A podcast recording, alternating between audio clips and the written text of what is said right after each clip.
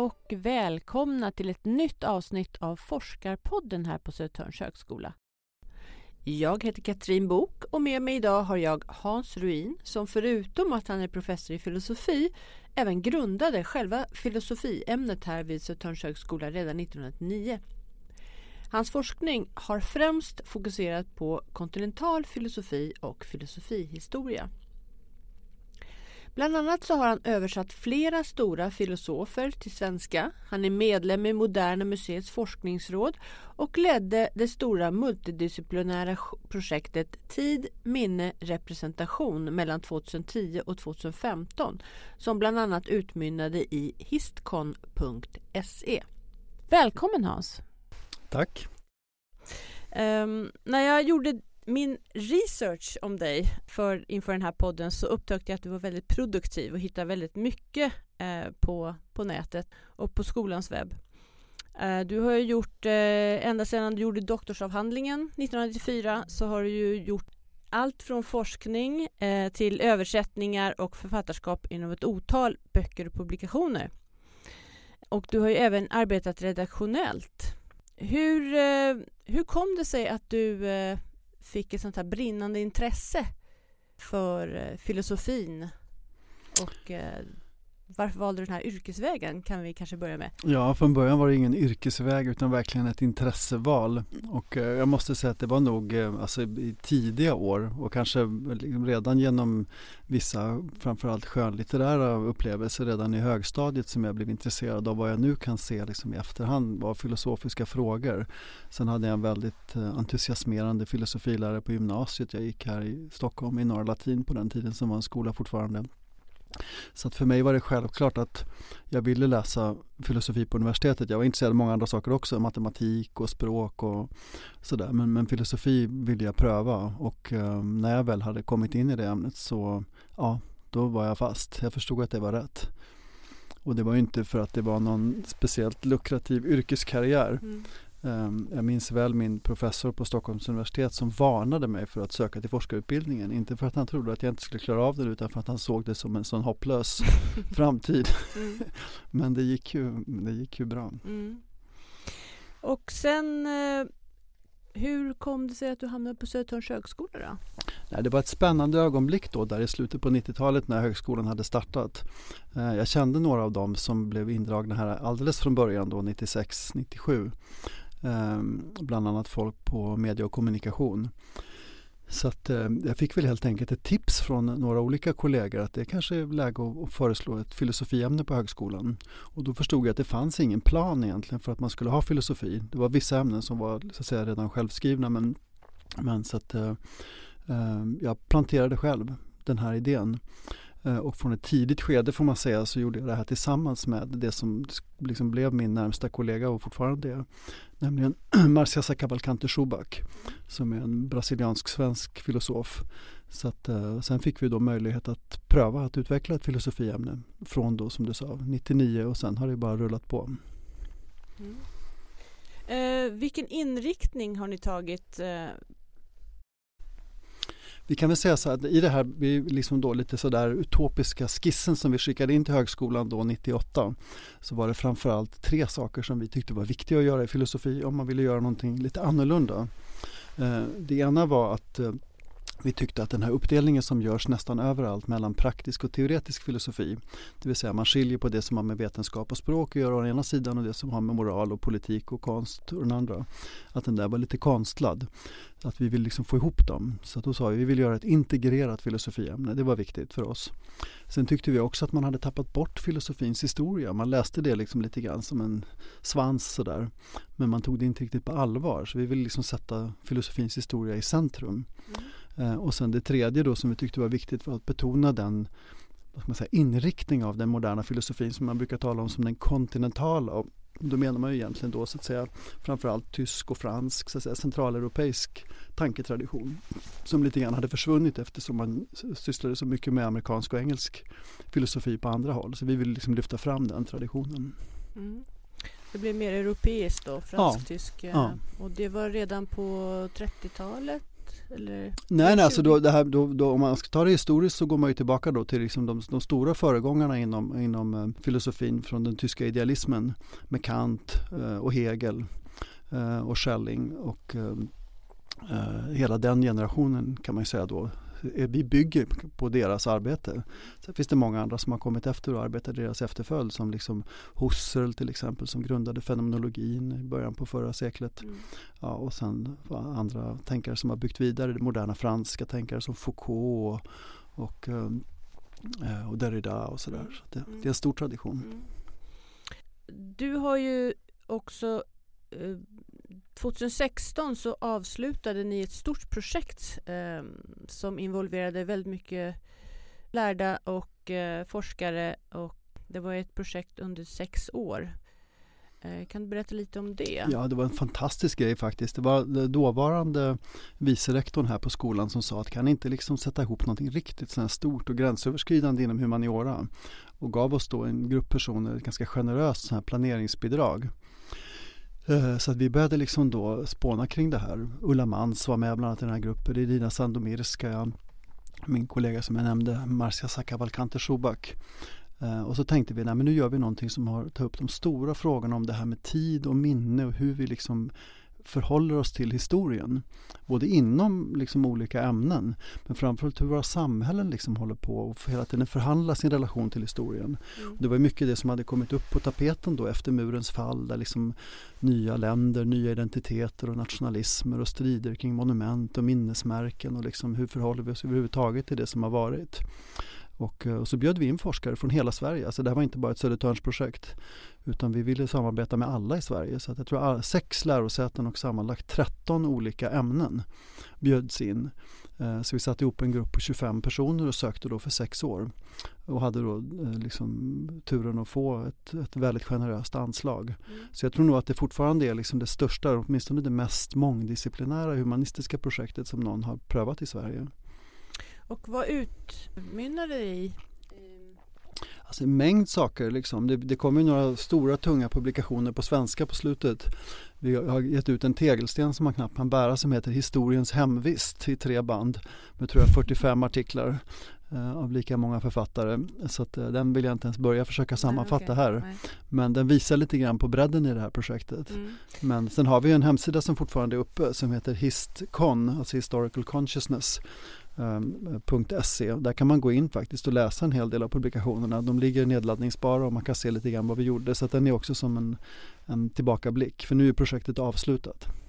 Och den kommer finnas uppe ett tag till i alla fall så att man är man intresserad. Sen lägger ni upp kontinuerligt upp nya och aktuella ämnen Ja, jag kan ju nämna då, för det kan vara intressant för Södertörn, att vi, vi inledde ett samarbete inom ramen för det här eh, programmet då med eh, en krets med yngre forskare i Belgien, i Gent, som är väldigt aktiva vad det gäller just historieteori och liksom, det är både historiker och filosofer. Eh, och vi kommer att tillsammans med dem ordna en stor konferens här på Södertörn i augusti nästa år som ska handla om just eh, förändrade syn på historien med tonvikt på platsens betydelse, alltså hur vi tänker relationen mellan tid och rum och plats. Så att det blir en jätteevenemang. Så det kan man säga är liksom då en, en eh, fortsättning på programmet. Det är augusti ja. nästa år, 2018. Ja. Mm. Sen hörde jag också att ni har planer på ett samarbete med polis eh, utbildningen här på Södertörns högskola. Ja, nej, det där var också en, en, rolig sak. De har ju sökt då Ehm, eh, så att, säga, att generera forskning på skolan som ska vara relevant för polisutbildningen. Så att de delade ut tror jag, tre eller fyra sådana här planeringsbidrag eh, här i våras. Eh, och då var det jag och några bland filosoferna där, bland annat en, en ny, ny, nydisputerad forskare hos oss som heter Gustav Strandberg som tänkte att det vore väl intressant att tänka lite djupare om det här kring våld. För vi tänker det att polisen är liksom, befinner sig på en väldigt speciell plats i vårt samhälle. Vi tycker ju alla illa om våld. Vi vill att det ska vara mindre våld. Men av det skälet så har vi också bestämt att det finns en kraft i samhället som ska få utöva våld som sin yrkesutövning. Så att mitt i det här liksom dilemmat står poliser. Och det visar sig, har vi förstått också, ofta liksom i deras egna, deras egna tänkande kring liksom deras yrkesval. hur ska man förhålla sig kring det där att vara någon som så att säga, både ska förhindra och utöva våld. Och då tänkte vi sätta det i ett större liksom, sammanhang av filosofer som har skrivit om våld och just skillnaden mellan legitimt och illegitimt våld. Så det kan, kommer säkert beröra frågor om terrorism och, och kanske organiserad brottslighet men liksom med fokus på det här existentiella. Mm. Um, jag tänkte på det att uh, filosofi kanske man skulle kunna ha inom alla utbildningar. Någon typ av inslag. Alltså jag skulle nog säga att alla utbildningar har ett inslag även om de kanske inte vet det.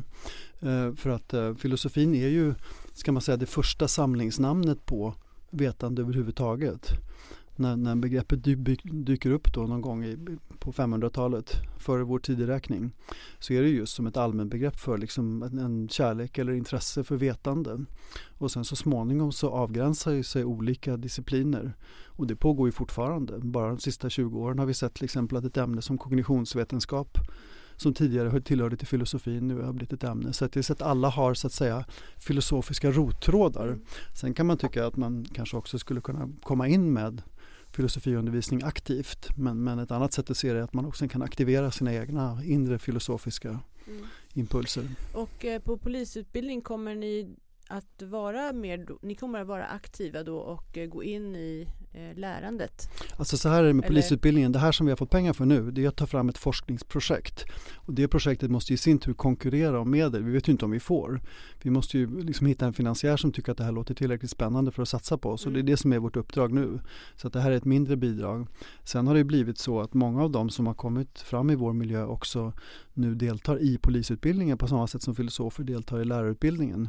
Man hjälper till med uppsatsskrivande och kanske liksom undervisar liksom inom ramen för olika kurser. Jag har inte själv gjort det än. Men, men jag skulle nog säga att det finns eh, bland de här två stora yrkesutbildningarna så finns det nog ingenstans i Sverige där det finns så mycket filosofer som är med och hjälper till att utbilda lärare och poliser som på Södertörns högskola. Mm. Sen äh, vet jag att du håller också på med ett samarbete inom äh, Samhällsvetarnas institution här på skolan. Vad var det för något? Nej, det var faktiskt eh, glädjande nog så vi har gärna velat ha samarbeten eh, med andra ämnen på skolan inom olika program och sånt där. Men, men har väl tyckt att kanske att det har funnits lite, att det var tråkigt att det har varit så lite intresse tidigare. Mm.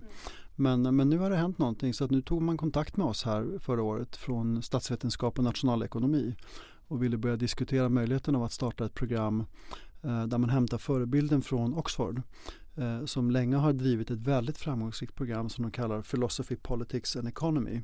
Där man blandar de tre ämnena, alltså ekonomi, politik och filosofi.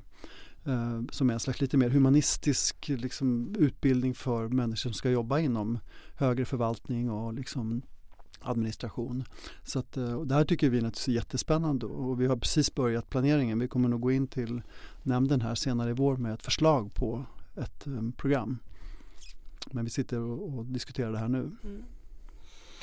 Kul. När man eh, går in på Södertörns hemsida och eh, knappar in Hans Ruin så kommer du upp det här uh, lilla uppdraget ni hade tillsammans med Dramaten också nyligen. Där ni uh, var inbjudna att föreläsa om uh, bland annat Antigone, mm. vad jag förstår. Mm. det var du och en, en kollega Cecilia kollega Sjöholm Cecilia som är på estetik och, mm. och, filosof mm. också. Mm. Hur kom det där sig att ni eh, blev inbjudna till Dramaten om just det här? Varför, varför bjöd de in Södertörns högskolas filosofer? Jag tror så här, de vet, alltså Södertörns humanistiska utbildningar har ju en väldigt högt renommé får man nog säga utan att vilja skryta så att, eh, och liksom ganska bekant bland liksom olika så här kulturverksamheter i Stockholm. Så att mm. de på Dramaten och chefsdramaturgen är en person som vi känner sedan tidigare. Så att han visste att, att um, vi intresserade oss för de här frågorna. Både jag och Cecilia Sjöholm hade faktiskt en kurs för många år sedan innan vi ens kom till Södertörn. Då vi jobbade med antik tragedi. Uh, hon från litteraturhållet och jag från filosofihållet. Så att det här är liksom ett gammalt intresse.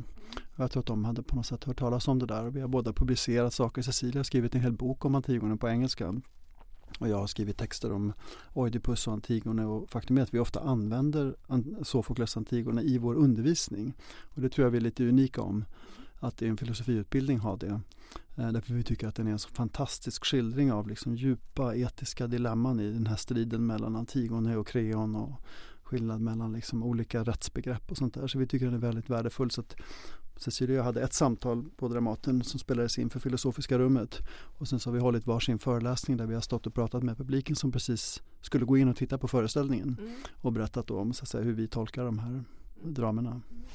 Det är ju jättebra eh, också utav Dramaten att ta in ett sånt tillägg till sina eh, teater, teaterverk där också. Mm. Att de tar in eh, föreläsare innan och berättar lite grann om själva pjäsen. Ja, det här är ett nytt upplägg vad jag förstår. Alltså, de mm. jobbar mycket internt med liksom frågor om, om liksom hur man ska tolka de här sakerna de sätter upp. Men det här var liksom en nysatsning på deras programverksamhet. Och jag gissar att de kommer fortsätta för det var kolossalt populärt. Jag tror att jag nästan aldrig föreläst för så många människor. Så hela den här marmorfoajén där på Dramaten var, det var säkert 200-300 personer som lyssnade på en föreläsning om kung Oidipus. Kul. Mm. Så, och vad annars, vad har du för planer förutom eh, eh på Södertörns högskola? Har du några andra projekt som ligger i ugnen? Några forskningsprojekt? Alltså som, jag, eh, jag har flera stycken. Vi är liksom ett gäng personer som har hållit på sedan flera år tillbaka och jobbat med religionsfilosofi.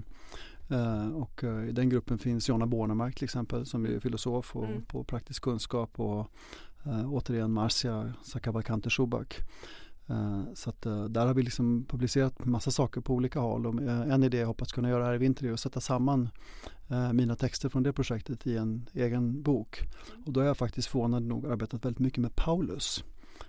Alltså den kristne mm. så att säga, kyrkofadern mm. som har blivit väldigt aktuell inom filosofi också. Så att jag, det, det, är liksom en sån där sak som ligger i pipeline att försöka få färdigt den här boken om Paulus och filosofi. Mm. Vad kul! Du, har, du är så otroligt produktiv och har mycket aktiviteter så att eh, jag hoppas att vi kommer få till, tillfälle att träffa dig i, eh, längre fram också och få göra en podd kanske i vår. Så vi får se hur det går med det här med samarbete med polisutbildningen och eh, eh, med samhällsvetarna. Absolut, jag kommer gärna tillbaka. Ja, tack ska du ha. Mm, tack. Du har lyssnat på Södertörns forskarpodd som produceras av MT Talks. I studion var Katrin Bok och tekniker Victoria Sal.